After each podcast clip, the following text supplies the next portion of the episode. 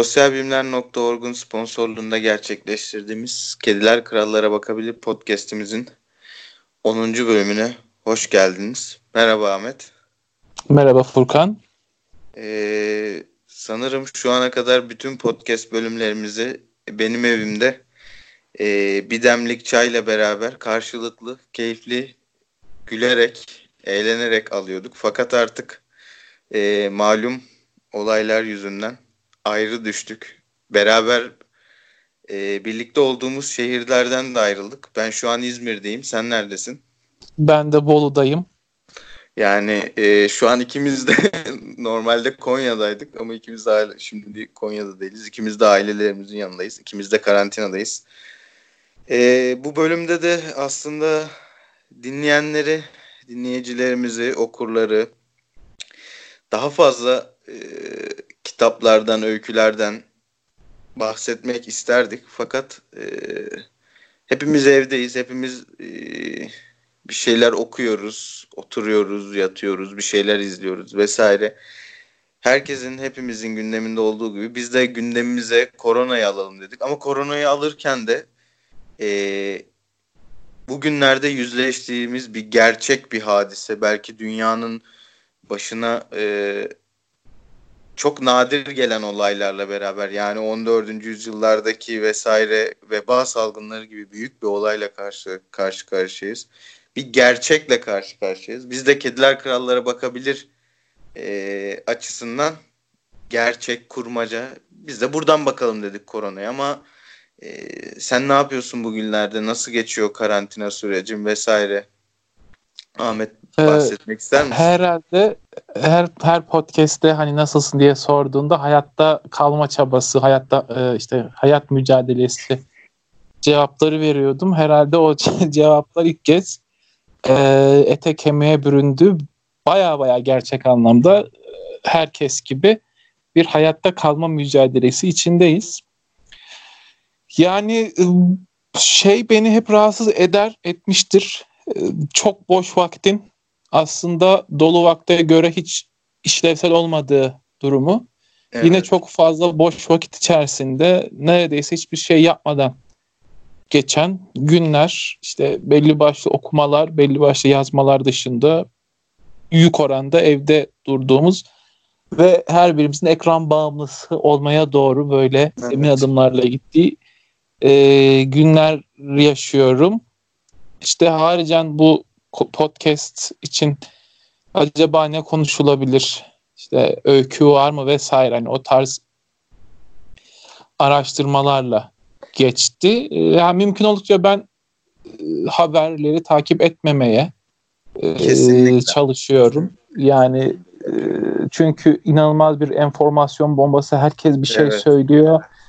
Konuyu bilen bilmeyen. Yani benim bilmediğim bir alan var ee, ve hani vaka sayısı bir istatistikten ibaretmiş gibi evet. e, hareket edildiği için de onu öğrenmekte çok fazla e, ilgimi çekmiyor. E, mümkün oldukça kendimi ve ailemi, işte yakın akrabalarımı nasıl bu salgından koruyabilirimin e, sorusuna vermeye çalıştığım cevaplarla geçiyor günler diyebilirim.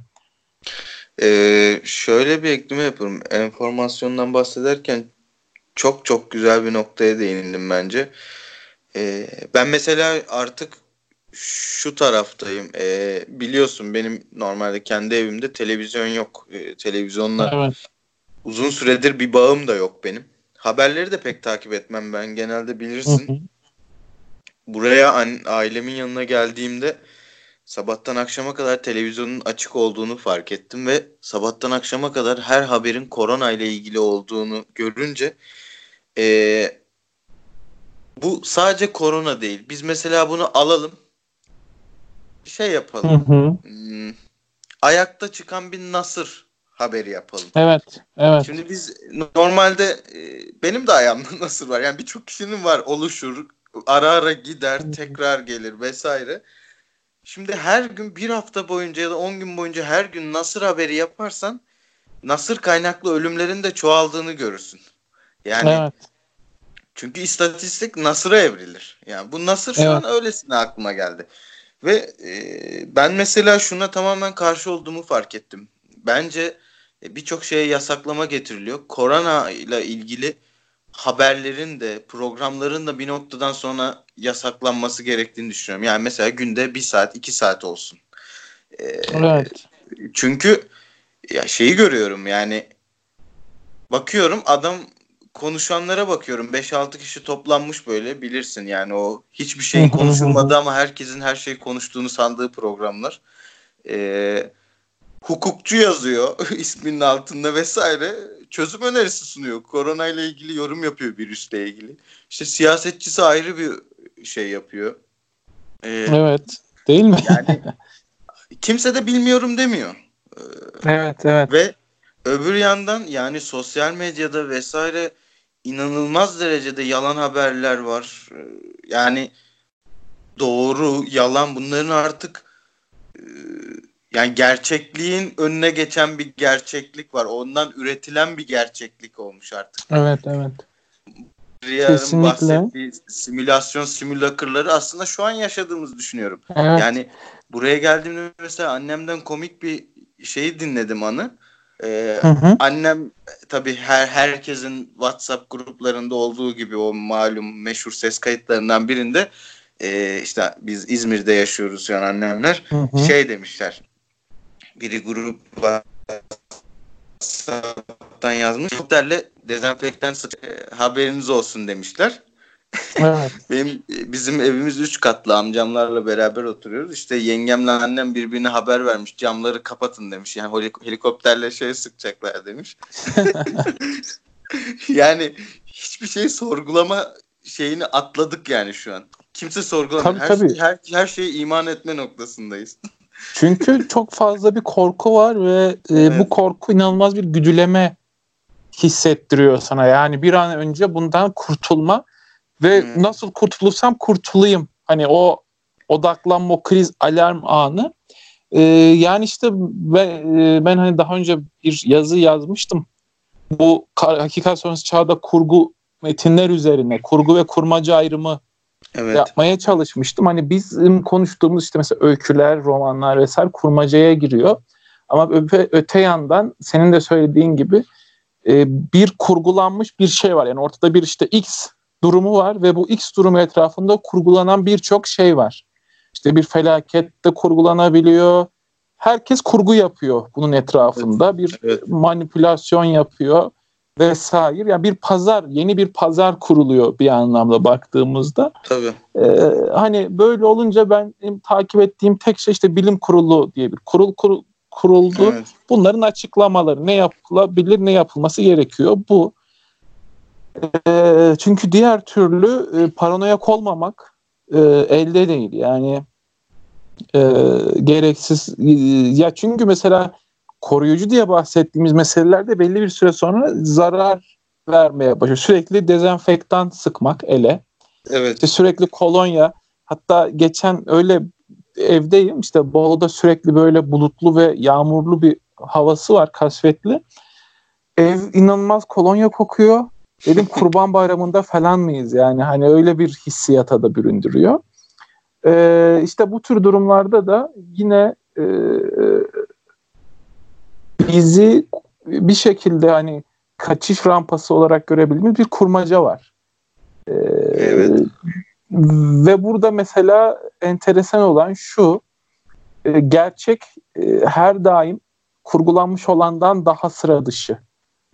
Evet. Ee, yani e, mesela birçok bir salgın öyküsü bilim kurgu okuyanlar işte fantastik kurgu vesaire okuyanların hani fazlasıyla da anime okuyanlar, manga özür diliyorum, manga okuyanların, anime izleyenlerin fazlaca bildiği bir mesele bu.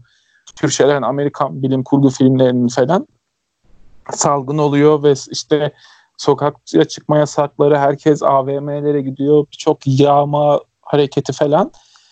Hepsi bir kenara e, gerçeğin içinde olunca yani e, işte mesela sen de ben de yarı zamanlı çalışan iki kişiydik ve ikimiz ücretsiz izne çıkartıldık. Evet. Ya mesela bu durum bile başlı başına kurmacadan daha orijinal ve e, daha farklı bir durum olarak karşımıza çıkıyor. Çünkü e, bizim tanıklığımız ve şahitliğimiz ve daha önce yaşamadığımız, tecrübe etmediğimiz bir durum olarak ortaya çıkıyor. Böyle bakınca aslında birçok kurmaca da bu tür durumlarda e, anlamını değil ama etkisini yitiriyor. Evet bence de Böyle o etkisini durum var. Etkisini değindiğin nokta e, bence doğru. Ben de o noktada katılır, katılırım. Yani etkisini değerinden bir şey kaybetmez elbette ama etkisi şöyle yani şu an e, içinde bulduğumuz e, ortam, içinde bulunduğumuz olaylar silsilesi yani bir e, tecrübe aktarımından bakacaksak e, benim babamın böyle bir tecrübesi yok. Evet. E, benim dedem şu an hayatta değil mesela. E, dedemin de yoktu. Şimdi evet. E, benim dedemin e, ve onun babasının yani dedem 1940'larda mı askere gitmişti sanırım. Babam öyle demişti. Yani onun böyle 2. Dünya Savaşı sonrasını hemen gördüğü bir şey dönemi var. Hatta dedem askerden geç falan gelmiş o yüzden. Ya onların gördüğü en olağanüstü durum bu. Evet. Yani e, bir tecrübe de yok. Ve biz mesela kurmaca bir esere ele alırken, okurken, hatta yazarken biz şu an rahat ve e, içinde bulunduğumuz o kendimizin kendimizi konumlandırdığımız bu gerçek yani kurmaca ve gerçek diye ayıralım şu an yaşadığımız hayatı. Bu gerçek hayatın şimdi gerçek meselesine felsefi boyuttan yaklaşırsak bu program hiç bitmez. Hmm, gerçek hayatımızdaki konumumuzdan yola çıkarak bir kurmaca eser yazmak konforlu bir bir, bir bakıma. Çünkü evet. e, en nihayetinde bir masa başında oturuyoruz, yazıyoruz ve masa başında olduğumuzu bilerek yeni bir kurmaca e, yaratmaya kalkışıyoruz. Bu konforlu bir şey aslında ve e, konforludan Kesinlikle. ziyade keyifli bir alanda oluyor. Ama e, şu an o konfor konforlu bir alanın içinde yaratılan zamanın içine atılmış gibiyiz. Yani burada ne yapacağımızı bilmiyoruz. Tecrübemiz evet. yok. Evet ve bir yandan da çok belirsiz de bir durum içerisindeyiz. Ee, yani bu işte sonsuz bir döngüymüş gibi göz, gözüken bize ya da gösterilen ve ne zaman ne şekilde biteceğini bilmediğimiz bir durumda evet konforlu bir yer var. Hani büyük oranda korunaklı bir evdeyiz.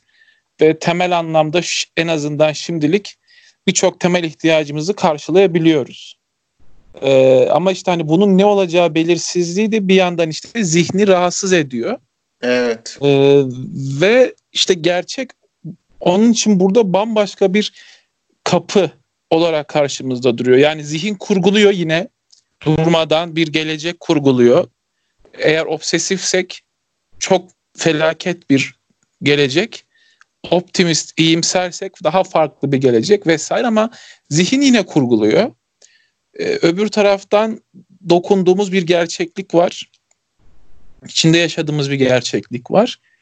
Bir taraftan da işte bu gerçeklikle ve zihnimizin kurguladıklarıyla baş edebilmek için yine kaçtığımız bir kurmaca var. Yani baktığı zaman böyle e, bir üçgen şeklinde ciddi paradoksal diyebileceğimiz bir durum söz konusu. Yani daha önce böyle bir durum işte hani bizim atalarımız diyeyim yakın bir e, zamana kadar böyle bir şeyi tecrübe etmediler. Hani Birinci Dünya Tabii. Savaşı'nı yaşamış Tabii. hayatta kalan bir büyüğümüz yoksa eğer ya da bize anlatmadılarsa en azından hani benim hiç olmadı maalesef. Çünkü birçoğu savaşta ya şehit olmuş ya da savaştan dönmemişler. Hani en büyük e, atalar. E, velhasıl hani şuraya getireceğim. Öyle olunca e, böyle enteresan bir durumla iç içeyiz. Ve bir de şeyi de ilk defa yaşıyoruz. Yani domuz gribini vesaire yaşamıştık ama e, işte bir karantina, bir sokağa evet. çıkma yasağı ve bunun e, işte askeri ya da siyasi bir sebepten dolayı değil de sağlık sebebiyle olması ilk. Özellikle evet. yani 21. 20. yüzyıl ve 21. yüzyıl için çok enteresan şeyler e, ve bizim de bütünüyle e, pratiklerimizin, rutinimizin değiştiği bir dünyada bunu yaşıyoruz. E, işte her birimiz apartmanlarda ve sürekli üretilen ürüne muhtaç insanlarız. Hani bir üretim süreci içerisinde nasıl yer alınır bilmiyoruz. Evet, Birçoğumuz yes. hizmet sektöründe istihdam ediliyoruz. Ee, böyle de yani büyük bir yabancılaşma da aynı zamanda içindeyiz baktığın zaman.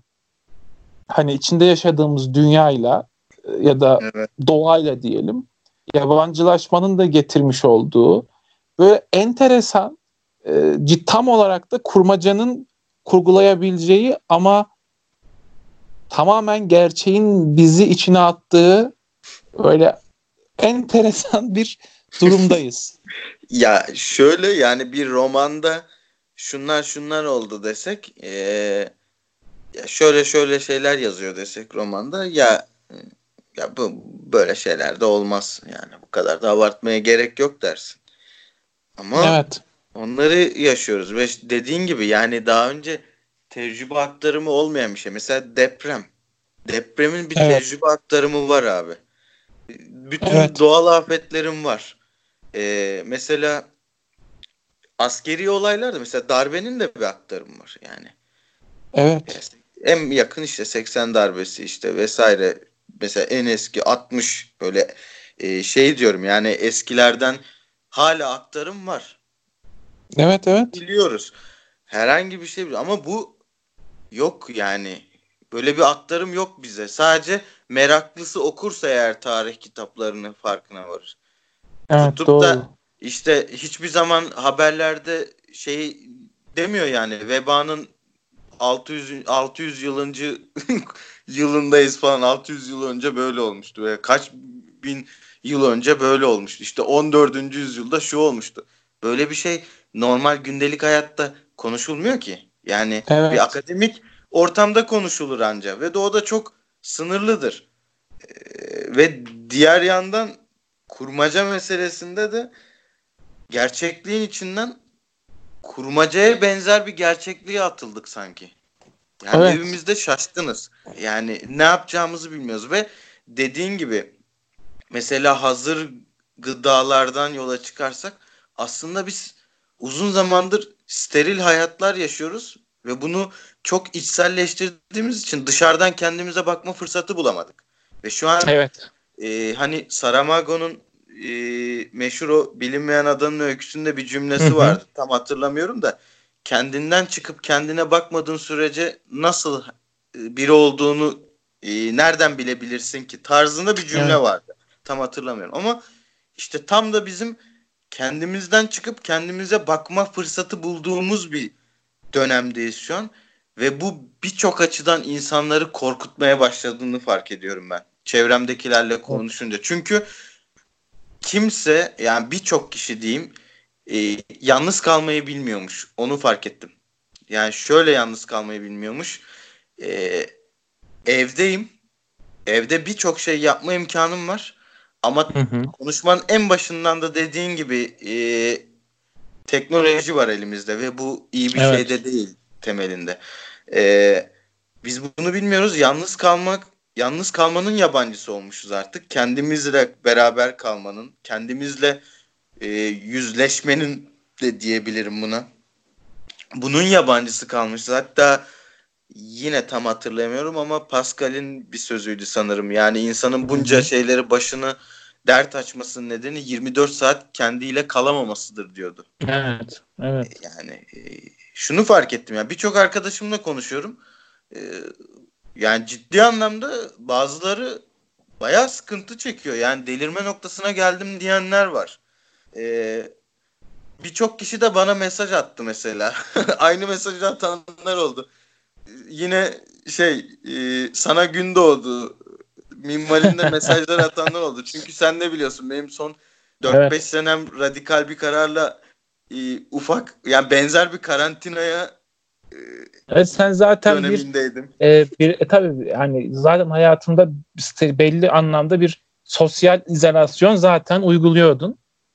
E, ama dediğin çok doğru. E, yani bizler e, koşuşturmacaya o kadar alışmış idik ki e, yani bu daha doğrusu şöyle bir rutin koşuşturmaca hayatımızın bir rutini haline gelmişti. Evet. Ve bu rutin e, dışarıdan bir el diyelim yani işte bir virüs tarafından bozulunca birincisi bir şok hali yaşadık. Hani rutin bozuldu. Hani genelde tam da kurmacalardaki o eserin, hikayenin bambaşka bir boyuta evrildiği nokta vardır ya. İşte evet. e, mesela e, mahcubiyet ve haysiyette ben de tam onu diyecektim. e, şemsiyeyi parçalama e, hali ya da işte albaya mektup yok da karı kocanın birbiriyle tartışma hali gibi hani birçok böyle romandan hatırladığımız o kırılma anı aslında bir kırılma anı yaşadı insanlar. Yaşadık her birimiz yaşıyoruz yani bu e, dilediğimiz kadar hani e, bizim hani senin arkadaşlarının sana söylediği mutlusundur zaten hani şu an tam sana göre olduğu şeyi ya her birimizin rutini bozuldu aslında bir evet. anlamda. İşte sen İzmir'e gittin ben Bolu'ya geldim falan. E, ve bu mesela şöyle bir durum var. Hani hali hazırda bir kitap da hazırlıyoruz. Sen de bölüm yazarlarından bir tanesisin. Postmodernizmin ölümü meselesi üzerine. Mesela o kitabı işte son halini vermeye çalışırken üzerine çok çok düşündüğüm meselelerden bir tanesi buydu. E, ne olacağını elbette kestirmek çok mümkün değil ama bir hafta 14 gün artık ne kadarsa ki inşallah tez zamanda biter bu durum ama e, bir e, rölantiye alma, bir her şeyi bırakma durumuyla karşı karşıyayız ve bu e, hani şu sıra herkes diyor ondan bağımsız elbette benim dediğim bambaşka bir duruma evrileceğiz. Çünkü evet. en nihayetinden trene indiğinde trene bindiğin kişi değilsindir.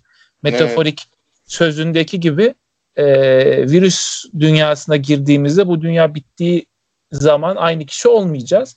Çünkü az da olsa istemesek de kendimizle bir şekilde karşılaşmış durumdayız. Zihnimiz bir şekilde çünkü 24 saatin 24'ünü e, eskiden hayat koşuşturmaca içerisinde kaçabiliyorduk kendimizden belki ama evet. e, şu an tamamen 24 saatin 24'ünde kendimiz olduğumuz için ciddi manada kendimizle ilgili, insanların kendiyle ilgili bir takım durumlar ortaya çıkacak. Ve bu e, bir anlamda kurmacayı da etkileyecek. Yani elbette bir e, karantina, bir e, salgın öyküsü furyası başlayabilir belki. e, ya da Türk Edebiyatı'nda çok e, ne denir çok fazla zayıf olan post apokaliptik kıyamet evet. sonrası kurgusu e, güçlenebilir. Evet doğru. Yani o olabilir bu açıdan ama e, şöyle de bir durum var. Yani bu tarz bir metinler yazılmaya başlanabilir. Evet. Ama e, böyle bir metinler daha önce bir pek fazla geçmişimiz olmadığı için acaba evet. ne olacak yani? O oradan neler elenecek, neler kalacak vesaire nasıl bir şey olacak? Bu da belirsiz. Bu da bir süreç içinde evet, gelir. Evet. Yani şöyle bir dünyadayız şu an. Yani e, ileride çok fazla bir getirisi, götürüsü olacak. Ama üzerimizde çok fazla yığılan bir şeyler var. Evet. E, yani çok ileri vakitlerde bir sonuçlar alacağımız şeyleri çok üst üste yaşıyoruz. Yani o yüzden sürekli e, artık geçmişi de bırakıp sürekli gelecek düşünmek zorunda kaldığımız bir dünyadayız şu an. Evet, evet. Yani geçmiş artık bir anlamı kalmadı. Çünkü geçmiş dün kadar yakınlaştı bize. Yani bir geçmiş evet. kurgusu 10 sene, 20 seneyi hatırlar. Yani 30 senesini hatırlarsın. Bizim için evet. artık geçmiş sanki düne kadar yaklaştı yani. Geçmiş sırtımıza, ensemize kadar yaklaştığını hissediyorum ben.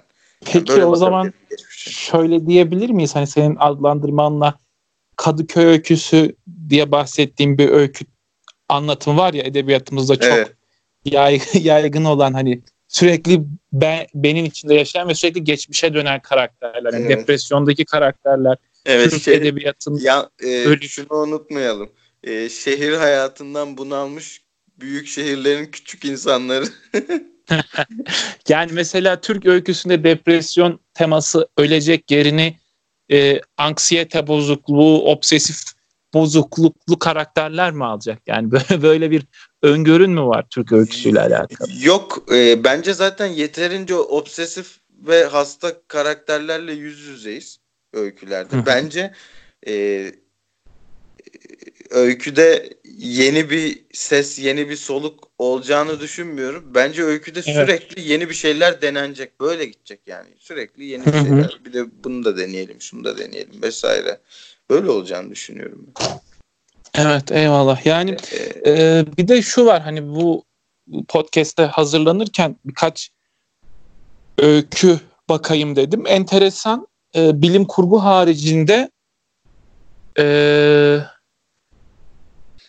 öykü türünde bu tarz işte salgın meselesini evet. ele alan öyküler yok. Hani önümüzdeki hafta güncel Türk öyküsünden birkaç e, öyküyü konuşacağız. Hani Engin Türk geldiğinde birkaç öyküsü hariç ki hani onları da tam olarak bu dünyaya e, dahil edemeyiz. Evet. E, ama genelde romanlarda bu çok fazla işlenmiş. Evet Ahmet şey de yok bence bize. Mesela e, işte şimdi popüler olan bir salgın temalı film var. E, hı hı. 2012'de mi ne çekilmiş? 2012 diye bir kıyamet temalı film vardı. Mesela bizde film e, sinema olarak da yani hatırlamıyorum. Bir şeyi hatırlıyorum yakın zamanda. Birkaç sene önce İzmir'de geçen bir öykünün anlatıldığı film vardı. Körfez'di sanırım adı. Hı hı. Ee, İzmir'de bir gaz e, gaz sızıntısı oluyordu. Yanlış hatırlamıyorsam. Evet. E, onun anlatıldığı bir filmdi. Hatta e, filmi sanırım ben izlemiştim. Yani bölük pörçük hatırlıyorum. İşte insanlar böyle e, maskeyle falan dolaşıyordu. Evde maskeyle falan oturuyorlardı. Ve bu film birkaç sene öncesiydi. İzmir'de geçiyoruz. Şu an İzmir'de tam da o filmin e, sekansları yaşanıyor yani dışarı evet. E, bir de korona e, korona temelli konuşmamızı bence burada bitirip bir de aklımızda uzun süredir olan hı hı. E, bize gelenleri e, sizden gelenler bölümü diye buraya sizden gelenler koysak. köşemizde evet e, sizden ya, gelenler köşesini yapsak e, ufak evet tefek. özellikle Instagram'dan e, fazlaca e, dönüt alıyoruz yani sorular evet. eleştiriler yorumlar beğeniler evet. e, öncelikle yani teşekkür edelim e, bize evet, evet. mesaj atan programın her birini e, her bir saniyesini dinleyen dinleyicilerimize bir Bünyamin sonunda G var. Bünyamin diye bir kullanıcımız var. Instagram'dan e, özellikle mesela e, öyküde diyalog bitti mi sorusuna bir cevap aradığını ve hmm. bilinci yansıtmaya çalışan bir anlatının karakterden uzaklaşması meseleleri üzerine bir hani bir şeyler söyleyebilir misiniz demiş. Bu belki evet. ayrı bir e, evet. podcast konusu olabilir. Yani özellikle öykü müzde öykü yazımında diyalog evet, ve bu, diğer karakter vesaire meselesi.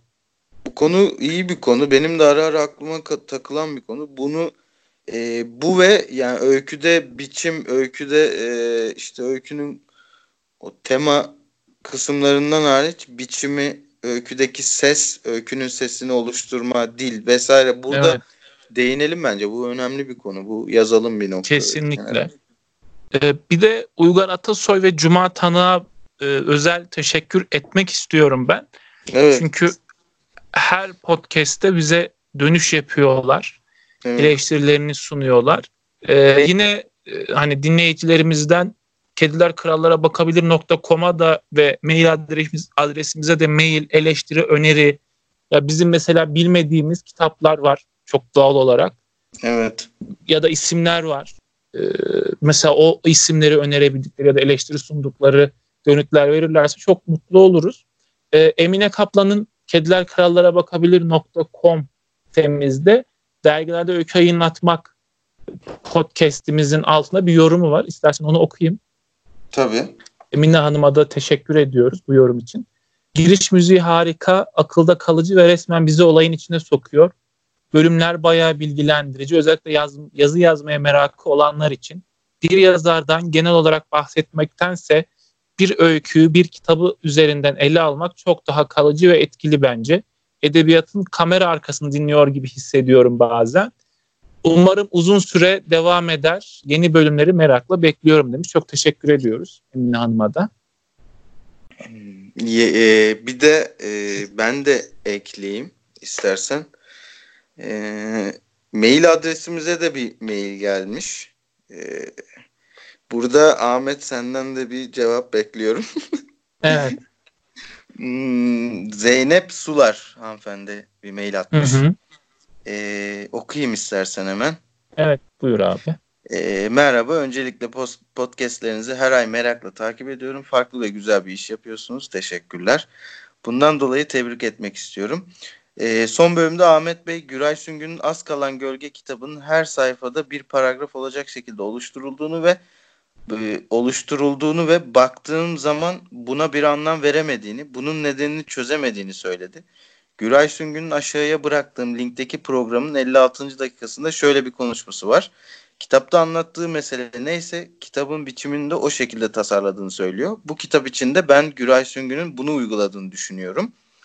E, kitaba baktığımızda kişinin hayatında belli bir akış yok. Kopuk kopuk ve kitapta biçim olarak kopuk kopuk paragraf paragraf biçimlendirilmiş olabilir diye düşünüyorum. Naçizane düşüncelerimi paylaşmak e, bir okur olarak geri dönütte bulunmak istedim. İyi günler dilerim. Zeynep Sular demiş. E, ekte de e, hı hı. her kişi e, her kişi niyetine adlı bir programın 8 Ekim 2016 tarihli e, YouTube linkini de atmış. Teşekkür ederiz. Evet çok teşekkür ediyoruz. Peki, e, Ahmet e, sana cevap hmm. vermek düşüyor burada. Yani şöyle öncelikle hani e, Güray Süngü'nün kitabı konuştuğumuz bir meselenin arkasından geliyordu. Hani daha önce dinlemeyenler evet. için söyleyeyim. Hani konuştuğumuz mesele e, bir poetika üzerinden metin metin yazarlarının yazdığı metnin neye karşılık geldiğini bilemeyişimiz. Yani bir bir metin yazdıktan sonra ikinci kitap bambaşka bir hale evrilebiliyor ya da üçüncü kitap ve bu e, kırılmanın neden olduğunu bilemeyişimizle alakalıydı. Yani bu evet güzel bir dönüt olmuş. Zeynep Hanım'a çok teşekkür ediyorum. E, ama şöyle bir e, problem var. E, yani evet işte her karakterin ya da atmosferin oluşturduğu bir biçim olabilir. Evet ama e, yani Güray Süngü'nün romanlarının genel biçimi neden bu hale evrildi? Yani o zaman hmm. burada şöyle bir durumda ortaya çıkıyor e, Güray Süngü'nün karakterleri de değişmiş durumdalar. Evet. E, peki e, bu sence olumsuz bir durum mu? Ya da Yo, senin ya işte senin olumlu... okurluğun, senin sen sendeki ha. Güray Süngü metni, sendeki Güray Süngü yazını için mi olumsuz bir durum? Anlayamadım ben. Ya şöyle benim için olumlu ya da olumsuz değil. Buradaki temel kırılmayı anlayamamak. Yani hmm. buradaki temel kırılma ne oldu? E, yani bu gündelik yükselen bir hani bunu Güray Süngü özelinde söylemiyorum genel anlamda bir. Ya da şunu çok özür dilerim. Şunu şunu diyebilir miyim? Ee, sen oradaki tek paragraf tek paragraf şeklinde e, giden bir romanın e, neden öyle bir tek paragraf bir şekilde gittiğini okur olarak sendeki yansımasını mı göremedin? Ya hem o hem de yani yazarın anlatı dünyasındaki o derin diyebileceğimiz tırnak içinde hmm. biçimsel anlamdaki o kırılmayı e, ilk başta açıklayamıyoruz. Ya bu birçok hmm. yazar için geçerli. Hani o program özelinde konuştuğumuz yazarlardan bir tanesi Güray Süngö'ydü. Hani Güray Süngö özelinde konuşmaya gerek yok. Genel bir problem çünkü bu bence. E, yani bizim edebiyatımızda yazarlarımızın e, yaşadığı kırılmaların sebebini anlatı anlamında. Yani bir yazar, X yazarı çok uzun metinler yazarken bir gün bir bakıyoruz bambaşka bir metin ortaya koyuyor. İkinci gün eski metnine geri dönüyor. ya da ikinciden de başka bir metin ortaya koyuyor ve kuramsal bir bütünlük açısından e, bu durumu açıklayamıyoruz ve bu da bizde özellikle bu usta yazarlar diyebileceğimiz isimlerin metinlerindeki bu belirsizlik ve savrukluk e, bir anlamda poetikasızlığı meşrulaştırıyor. Hmm. Yani biz e, elbette her yazar metnini yazarken üzerine düşünüyor. Yani buna bir sözümüz yok. Ama üzerine düşünmenin neticesi olarak bir poetika metni olmayınca yani kayıt defteri olmuyor. Anladım. Ve e, kayıt defterinin yokluğu da e, anlatı metinlerini ya da yani her anlamda bunun felsefesine çünkü biçim arkasında bir felsefe barındırıyor. Yani bir şeyi o biçime getirmenin sebebi arkasındaki başka bir düşünce. Belki bizler yazarların evet kurmaca, kurgu, anlatı vesaire metinlerini okuyunca bir şeyler öğreniyoruz. Ama poetikası daha çok şey öğretiyor, öğretir bence. Ee, hani zaten o programda da bunu konuşmuştuk. Ee, böyle bir durum var. Belki başka bir programda başka bir şekilde yine bu konuyu konuşuruz. Hani ama Zeynep Hanım'a çok teşekkür ediyoruz bu dönüşlüğü evet. için. Çünkü emek vermiş, zaman ayırmış. Yani doğru yani Güray Süngür'ün evet bir televizyon programında poetik bir açıklaması evet var ama işte e, bu da ayrı bir tartışma bence. Evet. Ya işte dijital ya da daha doğrusu medya, görsel medyanın e, hani araç mesajdır Mekluhan'ın o sözü üzerinden e, gider, gidince bir takım problemler de ortaya çıkıyor ama konuyu hani çok fazla uzatmayayım. Böyle bir durum var. Zaten biz de e, zannediyorum e, da bize ayrılan sürenin evet. sonuna geldik. E, epey de açtık. ama evet. e, bu seferlikte böyle olsun yani. Sonuçta hep istediğimizi yapıyoruz. Böyle istedik, evet. böyle oldu diyelim. e, bize ayrılan sürenin sonuna geldik. Ee, İnşallah podcast'teki süremizdir. Dünyada hala süremiz İnşallah. var. İnşallah. Güzel temennin için teşekkür ediyorum. Hmm, Kediler Krallara bakabilirim. 10. Ee, bölümün sonuna geldik. Ee, bizi Instagram, Twitter, e, Facebook adreslerimizden et kedi kral pot yazdığınızda e, takip edebilirsiniz. Zaten direkt bizim orada umursamaz kedimiz çıkacak. Kitap okuyan bir umursamaz kedimiz evet. var.